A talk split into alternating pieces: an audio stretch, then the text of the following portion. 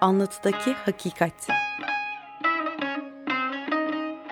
Akademisyenler, sanatçılar, sanatkarlarla metinler arası sohbetler.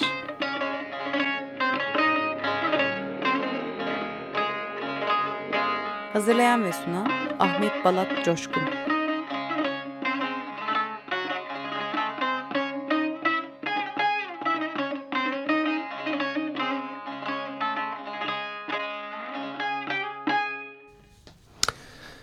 Günaydın.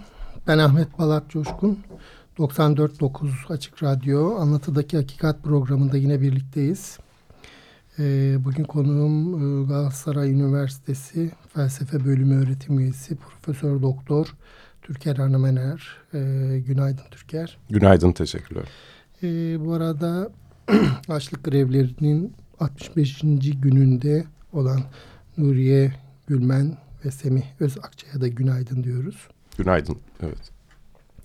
Ee, bugün konumuz e, Wittgenstein ve yeryüzü. O, konu, o konuyu konuşacağız. E, açık e, radyoda bu program niye yapıldığından biraz her zamanki gibi ben bahsediyorum. Birkaç tane bilgi de vereyim. Anlatıdaki Hakikat programının e, sayfasında anlatıdaki hakikat gmail.com adresinden benimle iletişime geçilebiliyor. Twitter sayfasından da takip edilebiliyor. Ayrıca açıkradyo.com e, sitesinde kayıt arşivi e, adlı e, noktaya bağlantıya tıklayarak sitede daha önce de e, geçmiş programların kayıtlarına da ulaşabiliriz. E, Anlattaki Hakikat programını aslında bir tür e, konuşmuştuk. Anlatının içinde bir hakikat olduğu, sanki bunun anlatanın bu hakikati gizlediği gibi bir e, anlam çıkacak bir adı var. Bunun e, üzerine bir program yapıyoruz. İşte akademisyenlerle, e, sanatçılarla ve zanaatkarlarla. E, ister akademik, ister teknik, isterse de edebi metinler olsun. Her türden metnin anlatısal özelliğini bu program önemli buluyor. Anlatı metninin doğası gereği e, anlamı ya da trajediyi en azından ertelediğini düşünüyoruz. Bazen de e, kıymetli olanı kendine sakladığını düşünüyoruz. Dolayısıyla bu e, eylemiyle yani bu saklama, erteleme eylemiyle anlatının bir tür kışkırtıcı bir bedene büründüğünü, bir tür e, baştan çıkarıcı özellik kazandığını, bunu hangi metin olursa olsun bu anlatıcıların böyle bir öz, bedene bürünme özelliğini olduğunu, bunu da hesaba katıyoruz aslında. Sadece anlatının bu özelliği yok tabii. Bunu anlamaya çalışacağız. Bu programlarla bunu anlamaya çalışacağız çeşitli konularda. Bu ihtimali e, konuklarımıza teklif ediyoruz. Yani bunu birlikte ortaya çıkaralım. Bu nasıl olur diye. Tabii bunu yaparken anlatı metninin bir dokusu var. Dokunun bütünlüğüne e, hürmet etmek çok önemli. Anlatıcının anlam aktarma sürecinde e, sesine, e, o hiyerarşiye de hürmet etmeyi bir görev olarak ben kabul ediyorum. E, anlatıdaki hakikat tabii metnin yaratılış sürecini de çok önemli buluyor. Çünkü insan bir metni yaratırken o metle kurduğu bir ilişkide de bir hüzün var ve bu kimi zaman bir yasa bile dönüşüyor olabilir. E, o o, o, o, o ilişkinin kurulduğunda e, geriye döndürülemez bir ilk temas var. Yani bir metni yaratanla o metni o metni yazacağım diyen anlatıcı ya da yazar arasında o ilk temas da çok önemli. Çünkü o geriye döndürülemez bir ilk temas. Evet, şimdi Türker bize bugünkü konudan bahsetmeye başlasın ve biz ilerleyelim. Teşekkür ederim Ahmet. Hoş geldin tekrar. Hoş bulduk, teşekkürler. Ee, bugün e, Wittgenstein'ın üç metnini temel alarak konuşmaya e, çalışacağım. Ee, Wittgenstein'ın ikinci dönemi ya da Traktatus sonrası dönemi diye bilinen e, döneminde yer alan üç temel metin. E, birincisi Mavi ve Kahverengi kitaplar. Bu isimler tabii hep sonradan konuluyor. İkincisi e, felsefi soruşturmalar. Üçüncüsü de kesinlik üstüne. Bu mavi ve kahverengi kitaplar Cambridge'de ders verdiği sırada e, 1930-34'te mavi kitap yani üzerindeki kapların E, ka, rengi de nedeniyle sonradan verilen isimler. 1933-34'te Cambridge'de e, verdiği dersler esnasında e, asistanlarına dikte ettirdiği hı hı. notlar aslında. E, Mavi Kitap. E, kahverengi kitap denilen metin de 1935-36'da e, yine başka asistanlarına e, dikte ettirilen bir kitap. Bu kitaplar 1951'de Wittgenstein ölümünden sonra 1958'de basılıyor. Hı hı. E, felsefi soruşturmalar e, 1945-49 arasında e, yazdığı bir metin.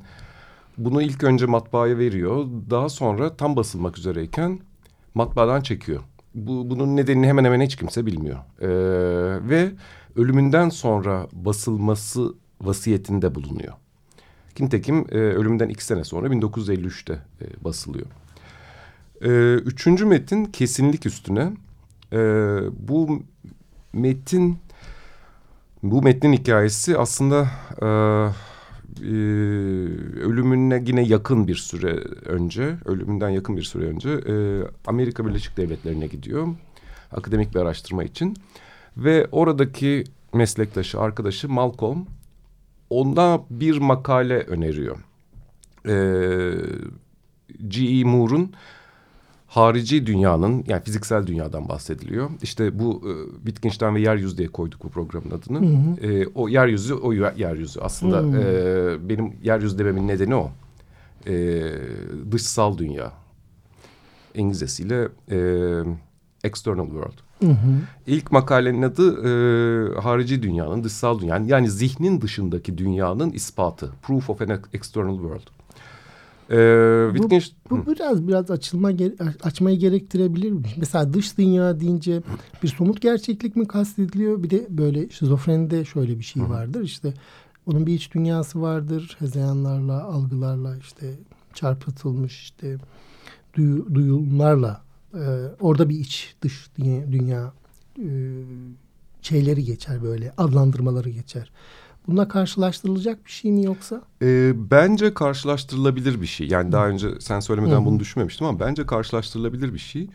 E, çünkü e, dışsal dünya, harici dünya denildiğinde aslında kastedilen zihnin dışındaki dünya.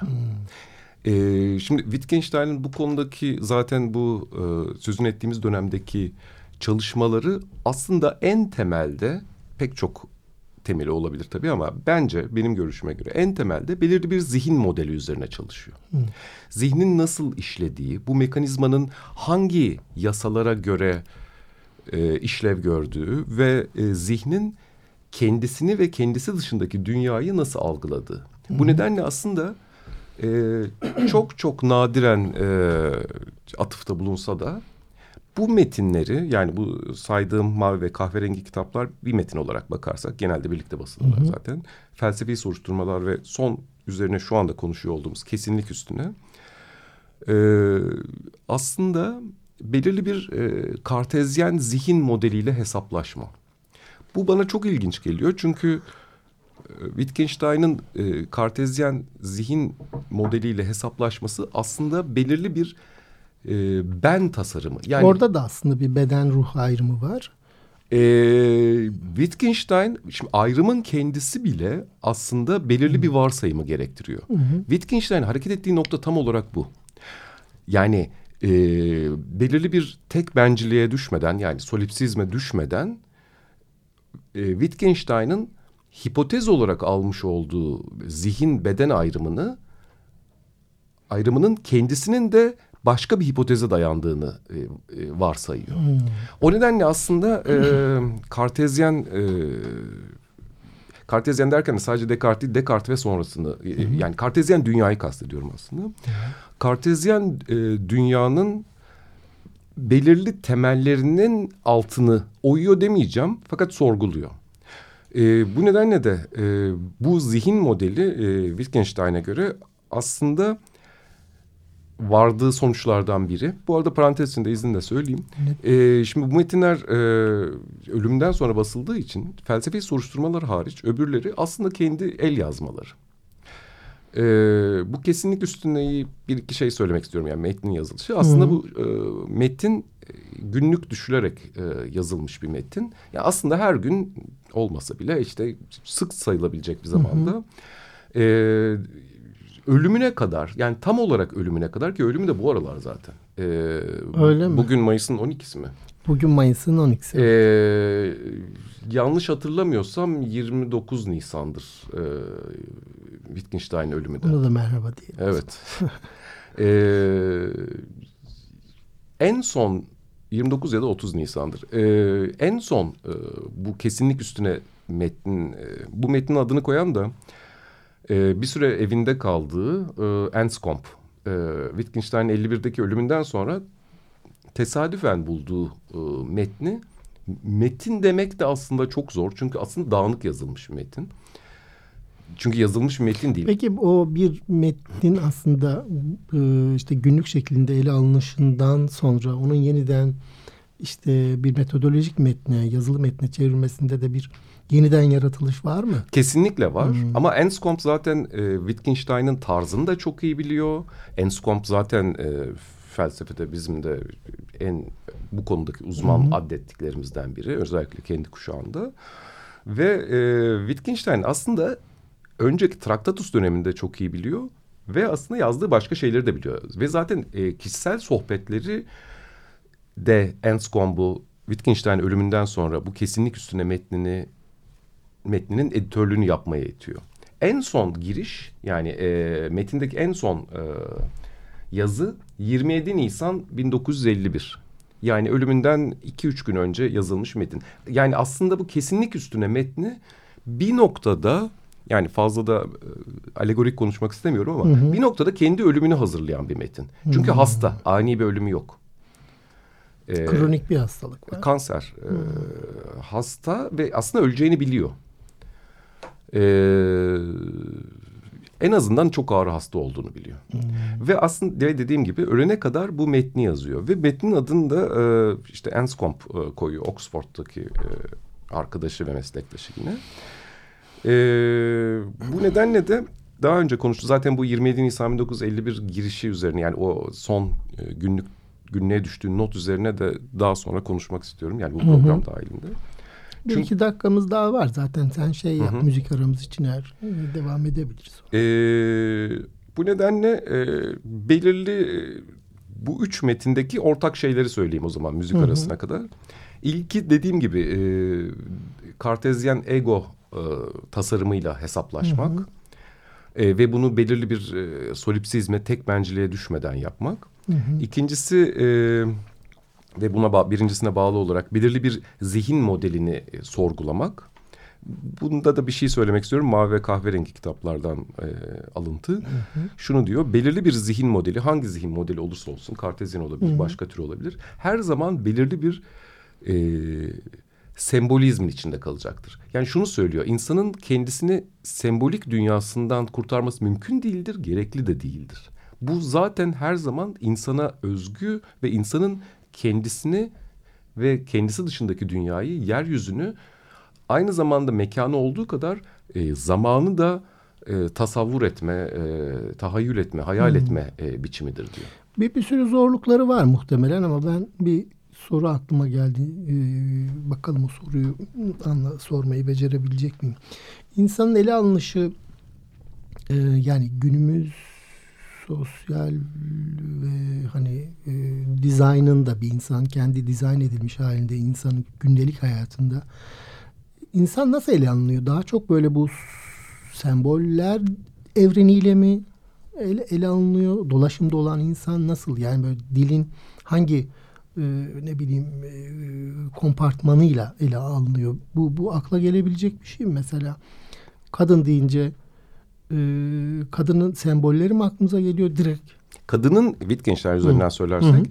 kadının ya da sen örnek Hı. verdiğin için söylüyorum ama iyi bir de örnek. Hı. Kadının içinde bulunduğu sembolik dünya. Hı. Yani şunu söylüyor. Hiçbir zaman belirli bir sözcüğe belirli bir anlam yapışık olarak durmaz. Wittgenstein hı. stick to İngilizcesi.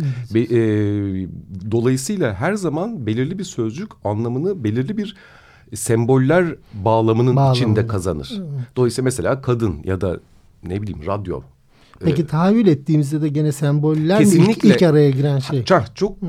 bence Hmm. e, hayati bir soru sordum Wittgenstein arasında. Kesinlikle semboller giriyor fakat biz bu mekanizmanın rasyonel olarak farkında değiliz. Hmm. Ancak geriye doğru izini sürdüğümüzde bu sembolik haritayı çıkarabiliyoruz. Bir örnek ver. Bir aradan sonra örnekler verelim mi? Kaldığımız Tabii. yer burası olsun. O halde şey yapalım. Bir müzik Tabii. arası verelim. Shostakovich'ten, Dimitri Shostakovich'ten Jazz Suite Vals numara 2'yi dinleyeceğiz.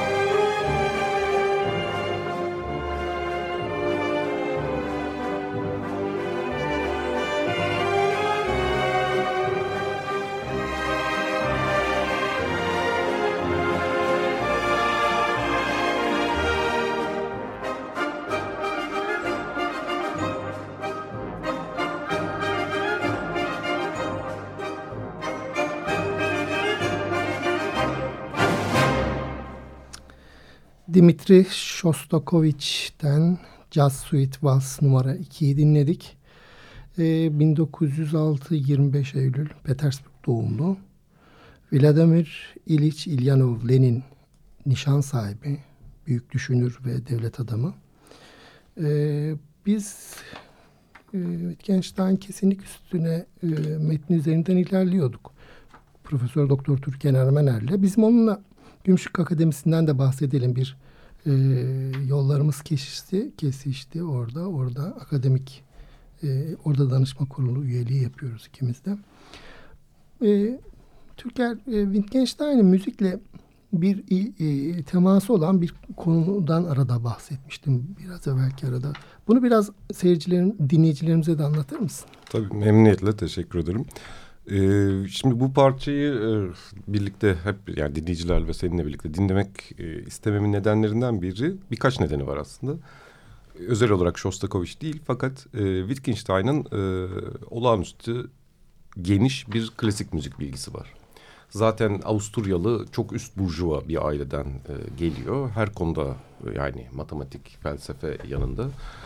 E, müzik konusunda da çok iyi bir eğitim alıyor. Kendisi piyano çalıyor zaten. Evet. Çok iyi bir müzik dinleyicisi.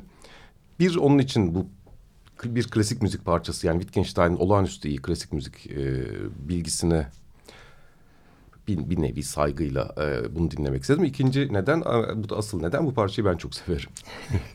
Ama çok güzel bir parça sahiden. E, üçüncüsü e, senin de söylediğin gibi Lenin nişanı var Shostakovich'in. Biliyorsun Wittgenstein e, bir dönem Sovyetler Birliği'ne gitmek istiyor.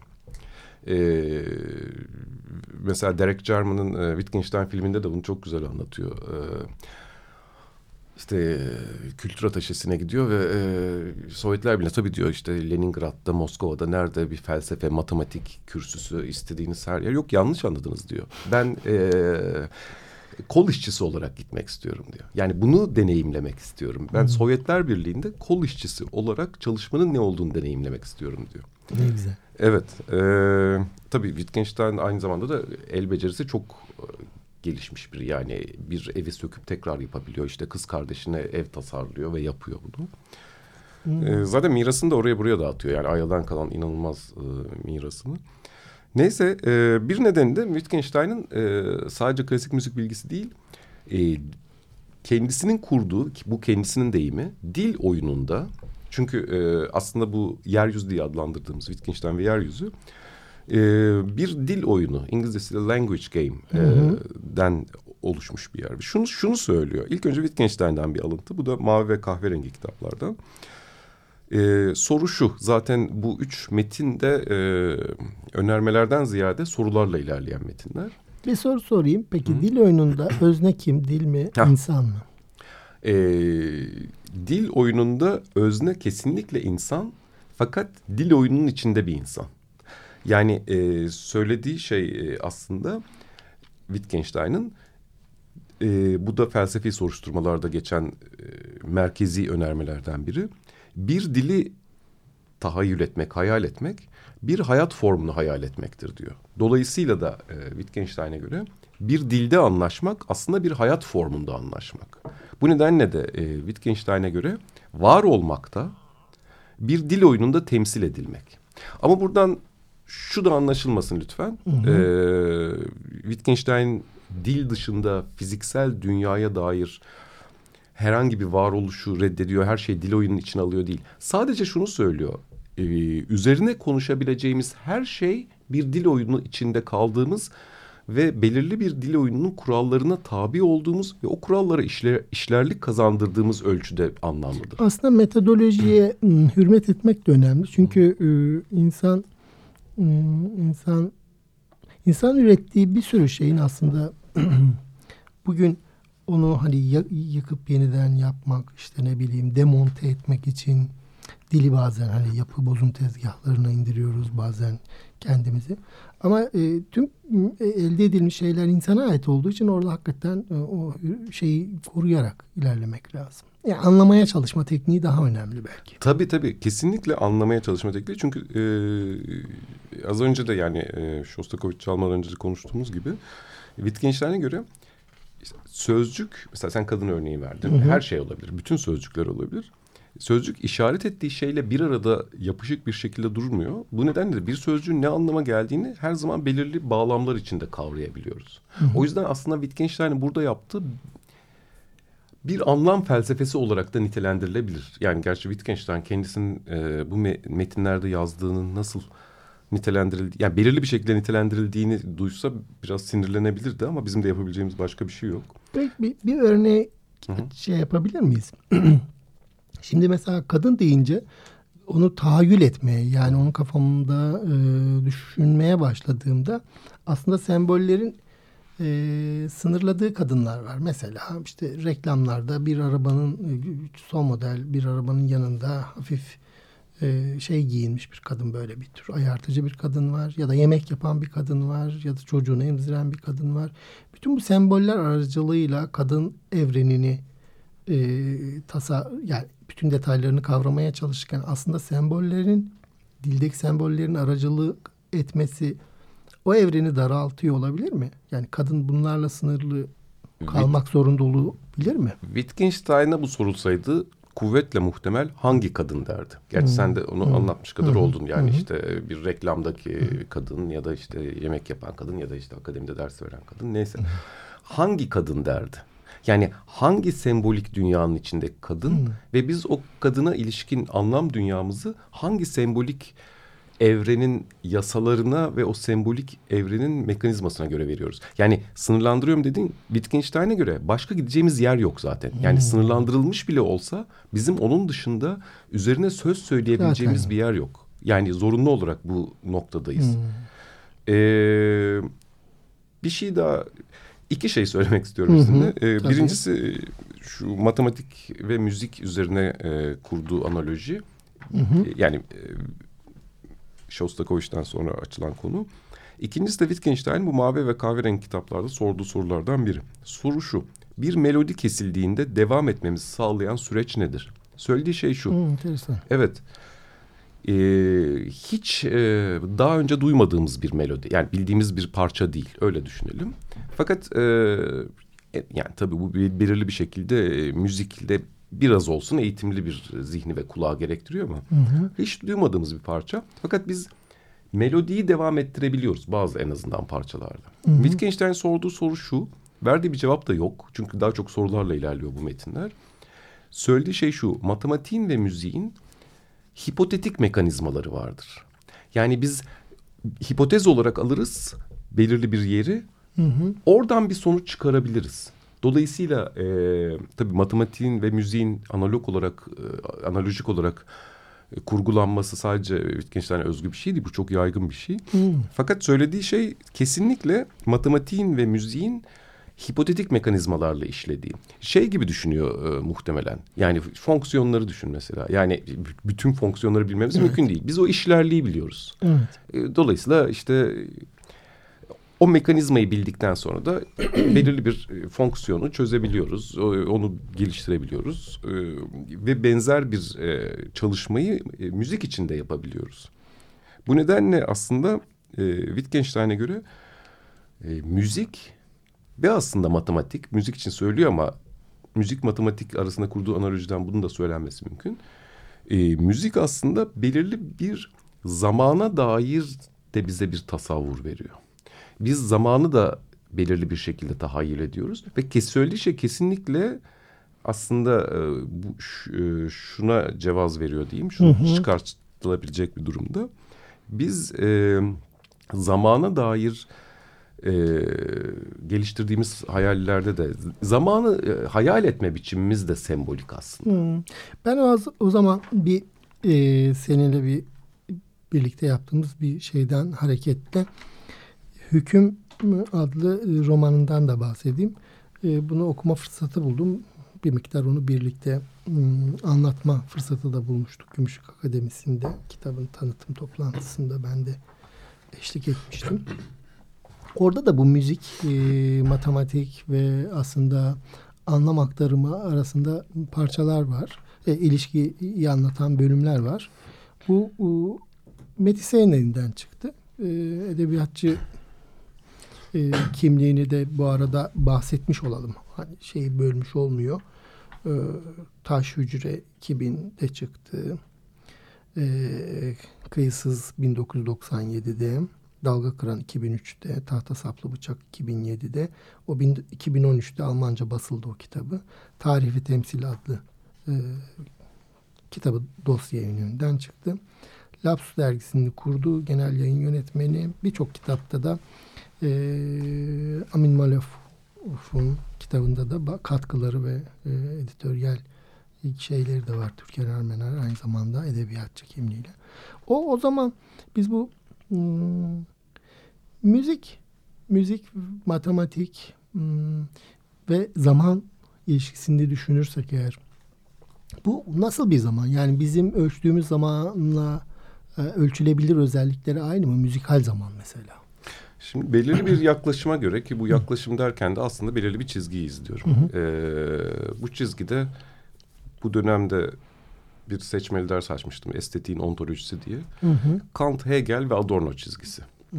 E, sadece müzik değil, genel olarak estetik yapıtlar üzerine. Fakat en son son birkaç hafta zaten döneminde sonuna geldik.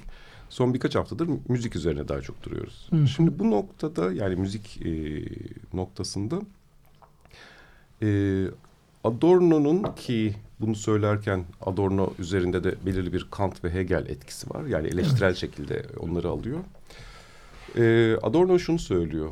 Ee, müziğin zamanı hiçbir zaman fiziksel zaman değildir. Hmm. Fiziksel zaman ile ölçebiliriz.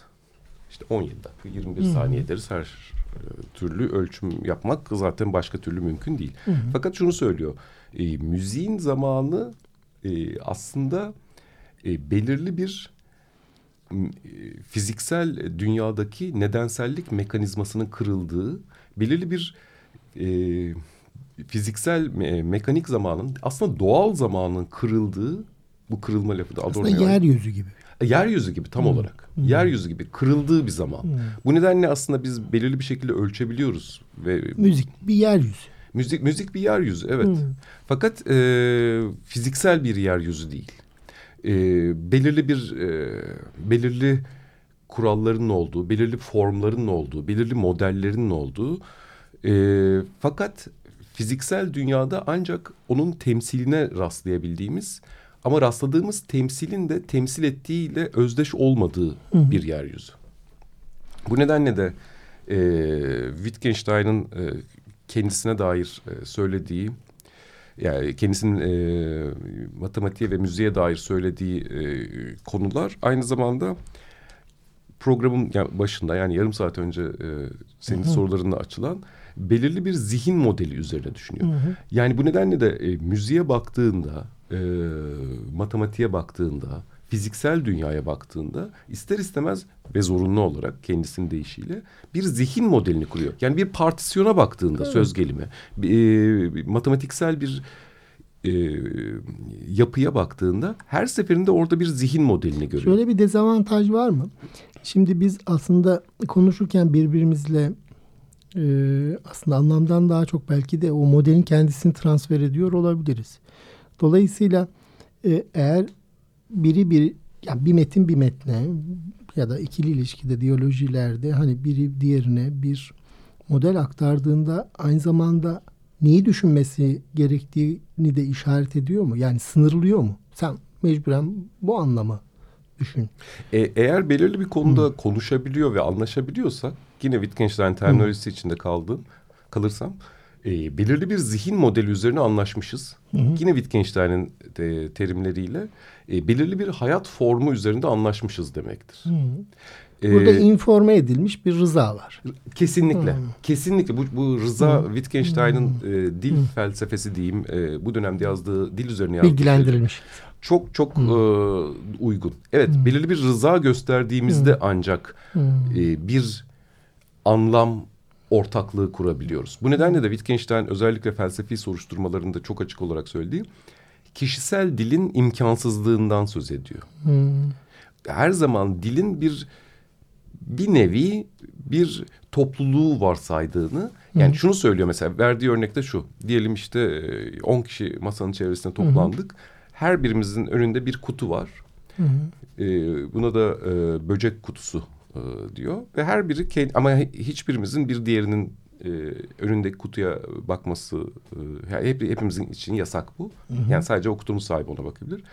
Kutumda böcek var dediğinde biri diğer hiçbirinin bunu doğrulaması ya da yanlışlaması mümkün değil. Çünkü çünkü bu tamamen kişiye özgü bir şey. Bu nedenle de ee, mesela diş ağrısı konusunda çok duruyor. Bilmiyorum artık odontolojik bir problemi vardı. Ama yani bunun örneği çok veriyor. Mesela dişim ağrıyor dediğinde, diyelim ben sana dişim ağrıyor dediğimde... E, sen ancak bunu bu e, dişim ağrıyor cümlesini belirli bir e, cümleler evreni içinde sen zaten Evet. hani tıp doktorusun ama o, olmasan da e, belirli bir e, e, cümleler evreni içinde alabilirsin. Ama ben sana o ağrıyı aktaramam. Bu tamamen bana özgü bir şey. Ağrının kendisini aktaramam. Dolayısıyla yani daha doğrusu şunu söylüyor. Ağrıdan yola çıkarak acıyı da aktaramam dolayısıyla. Peki ikili diyalojik ilişkide e, tekil serüven aslında mesela hepimizin çektiği acı belki farklı aktarılamaz bir yanı var. Peki bu metinlerin çoğunda da aslında bu böyle bir doğa var değil mi? Yani mesela biz tüm anlatıyı yaparken hani bu anlatılamaz olandan eğer şeyi tarif edebilirim. Hani diş olduğunu onun ağrıyan bölgenin ağzı içinde bir bölge olduğunu ama ağrının kendisini anlatamam dediğinizde bu nasıl bir eylem? Mesela bilinçli bir eylem olabilir mi? Hangisi? Anlatamamak mı? Saklamaya çalışmak. Ee, İnsan ağrısını da saklar mı yani? saklayabilir fakat bunun için de şunu söylüyor. Hı. Ee, bu da bir sist ancak ben belirli bir sistemin içinde saklayabilirim. Yani bu da belirli bir O sistemi gerektiriyor. gerek- O da o da bir metot gerektiriyor. Hı hı. Ee, bu nedenle de zaten e, Wittgenstein e, bir kesinliği de e, bu üçüncü metni e, başlığını alırsak kesinliği de kuşkuyu da yani şunu söylüyor. E, bir şeyden kuşku duyduğumda da bu belirli bir sistem gerektiriyor. Çok güzel konularla ilerliyoruz. Ağzına sağlık Türker. Teşekkürler. Ee, teşekkür ederim konuğum olmayı kabul ettiğin için. O halde gene bir ara verelim. Tarya Ruptal. Ruptal'den o bir gitarist. Onu sen anlatacaksın. Ee, Dead Man's Dead Man's Tale. Öyle adamın hikayesi. Sonra sen Decaying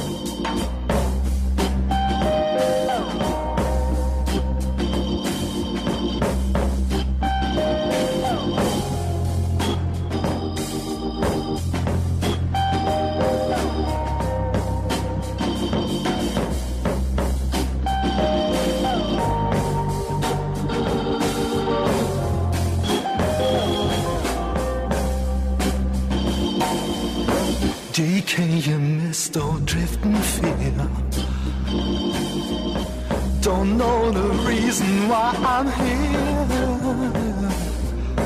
Decaying mist or drifting fear. Don't know the reason why I'm here. I tried to live a good life.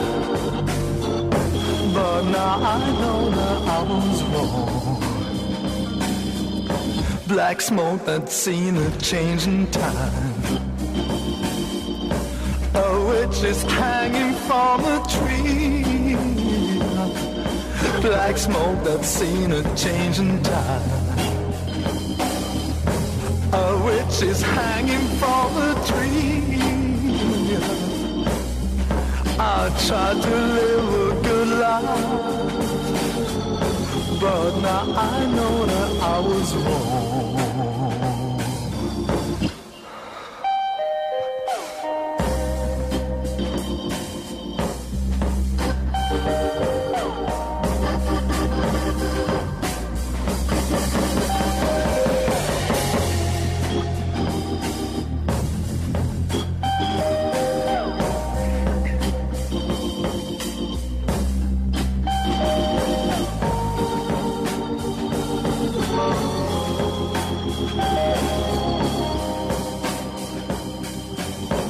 A moony shade of colored bodies. A shrinking head so yesterday. A moony shade of colored bodies. A shrinking head so yesterday. I try to live a good life. But now I know that I was wrong.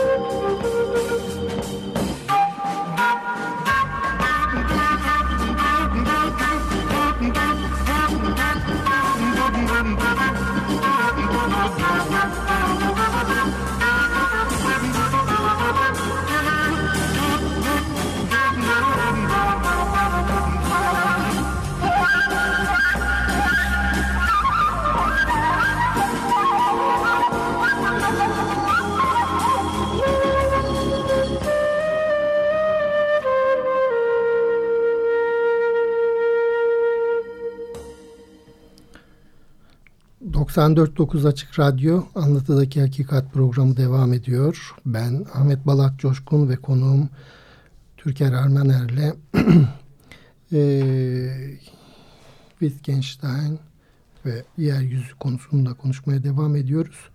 Tarja Riptal'den e, Öyle Adamın hikayesini dinledik. Black House adlı albümünden 1947 Oslo doğumlu kendisi.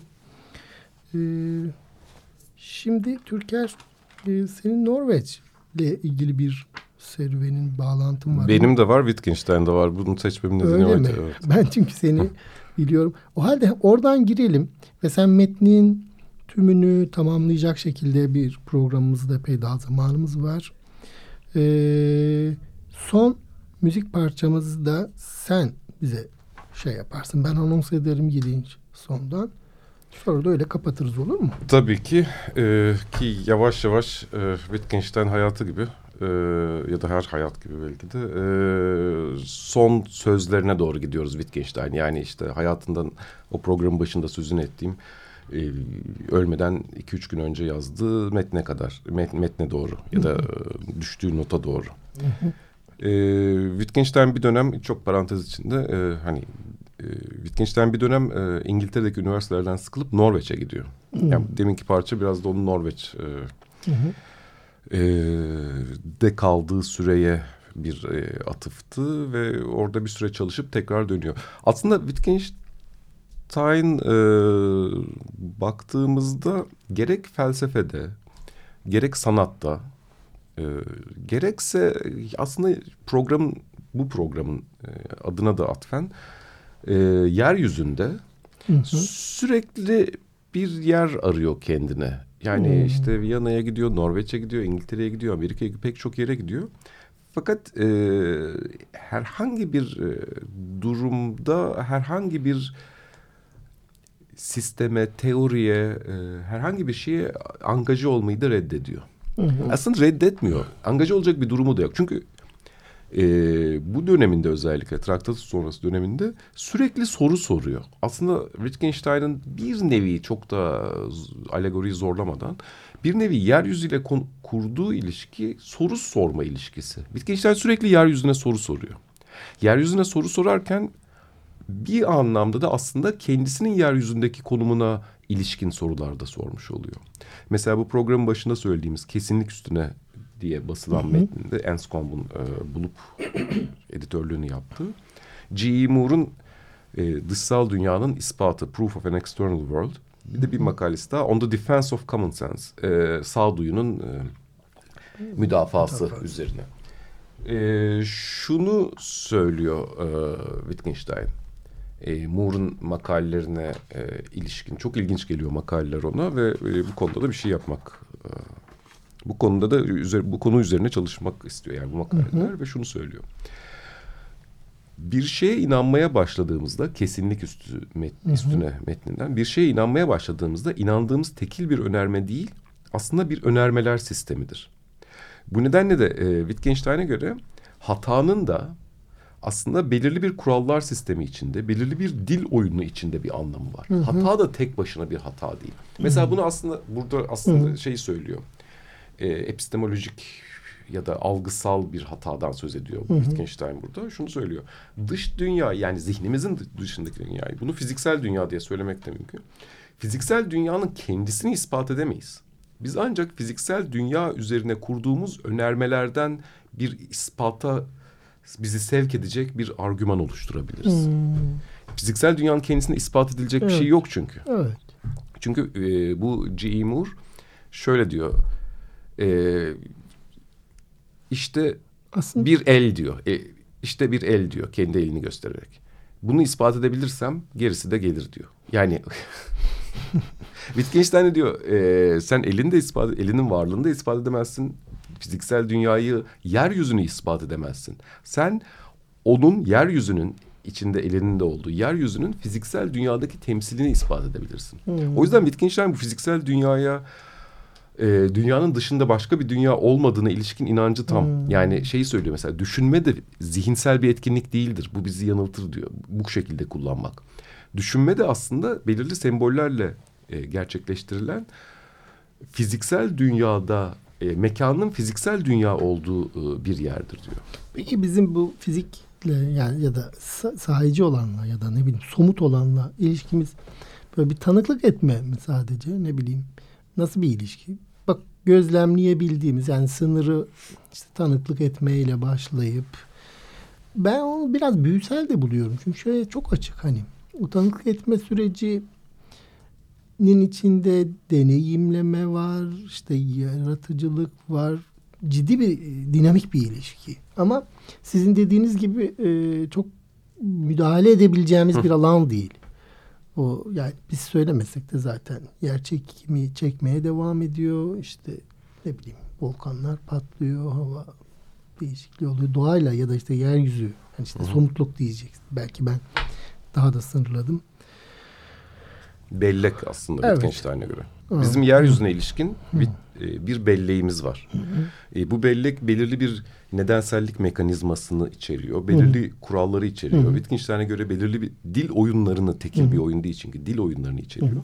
Bunun kırıldığı tek bir yer var. Senin de ihtisas olarak çok iyi bildiği alan. Rüyalar. Rüyalar. E, Wittgenstein'e göre... E, peki şey e, yani konuş.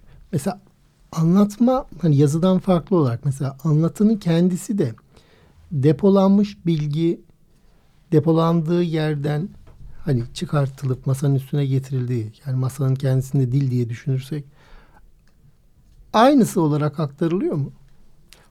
Hayır ama bu zaten böyle bir şey yok Wittgenstein'da. Aynısı olarak aktarma diye bir şey yok. Ancak e, artıyor mu eksiliyor mu anlattıkça?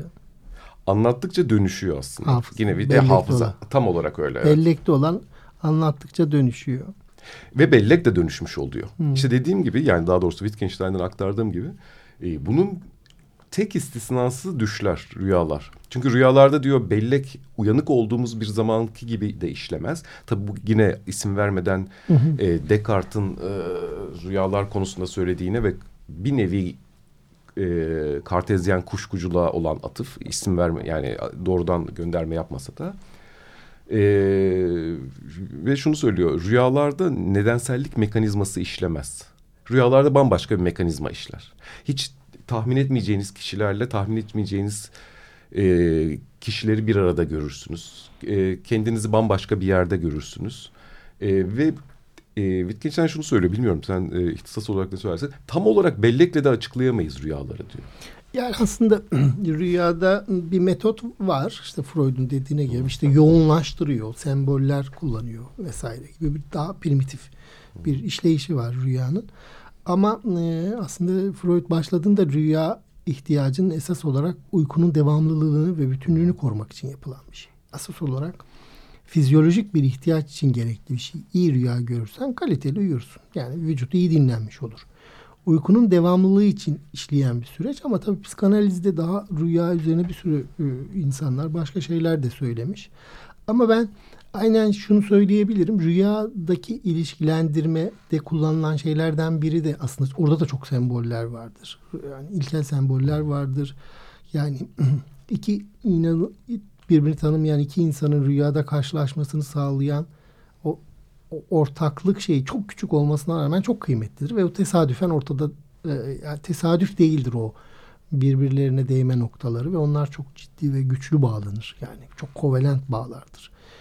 E, onlar üzerine tabii düşünülmesi e, gerektiren belki bize bir metot da içeriyor. Hani o rüyalar nasıl zihinden farklı olarak çünkü bilincin kalktığı bir yer orası hala konuşuluyor üzerine çok konuşuluyor. E tabi bu, bu Wittgenstein'ın da çok e, kafasını meşgul eden bir konu. Hmm.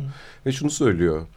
E, rüyada olmadığımı ispat etme yükümlülüğüm yok diyor. Hmm. Çünkü bunu söylüyorsam diyor zaten hmm. e, bir başkasının rüyasına giremeyeceğim kişi bir başkasının rüyasına hmm. giremeyeceği için hmm e, yani o, böylelikle de bu skepsizmin, bu kuşkuculuğun hmm. Aslında bir nevi bloke etmiş oluyor. Hmm. Bunu söylüyorsam aynı rüyayı görüyor olamayacağımıza göre rüyalarda hmm. tümüyle kişisel aslında e, az önce sözünü ettiğimiz gibi kişisel dilin imkansızlığına hmm. bağlı tabii ki de bu. O yüzden rüyada değilim. Bunu ispat etmek yükümlülüğüm yoktur diyor. Hmm. Ee, dünyanın varlığından ya da benim e, varlığımdan, kendi varlığımdan e, kuşkuya düşmemek için. Hı hı.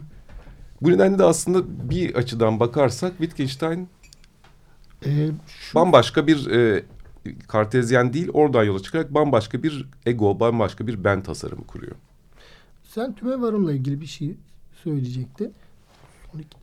E, tüme varım konusunda da bu da bir e, kurallar bütününden bahs, e, kurallar bütünüyle ilgili ve e, kesinlikle ilgili bir durum ve söylediği şey şu e, tüme varımda bir dil oyununun içinde ancak bir Hı hı. anlam taşıyabilir diyor. Hı hı. E, rüyalara ilişkin mesela demin senin de söylediğin rüyalardaki sembolizasyon rüyalara ilişkin de e, bu e, tüme varım aslında belirli yerlerden belirli şeyler tekrarlandıkça belirli yapılar mükerrer hale geldikçe e, belirli onlarla ilgili belirli bir sembolizasyon geliştirdikçe rüyalarla ilgili de tüme varıma varabiliriz. Ama bunu rüyada yapamayız tabii.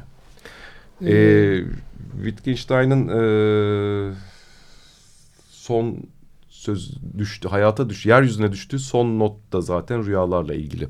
Bilmiyorum vaktimiz. galiba tamamlandı gibi. O Ee, cümleyi de izninle o zaman okuyayım. Çok çok sevinirim onu da lütfen. Ee, Wittgenstein'ın e, bilindiği kadarıyla en azından e, yeryüzüne düştüğü son not. Kesinlik üstüne metnindeki de son cümle dolayısıyla. Alıntılıyorum. Hı hı. Düşünde düş görüyorum diyen kişi bunu sesli de söylese, düşünde yağmur yağıyor diyen kişiden daha haklı değildir.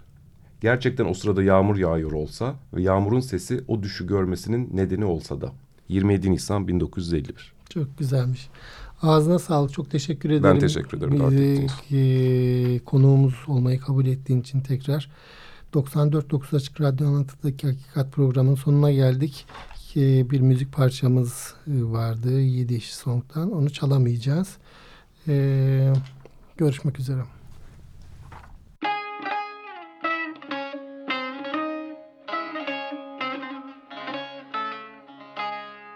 Anlatıdaki hakikat. Akademisyenler, sanatçılar, sanatkarlarla metinler arası sohbetler.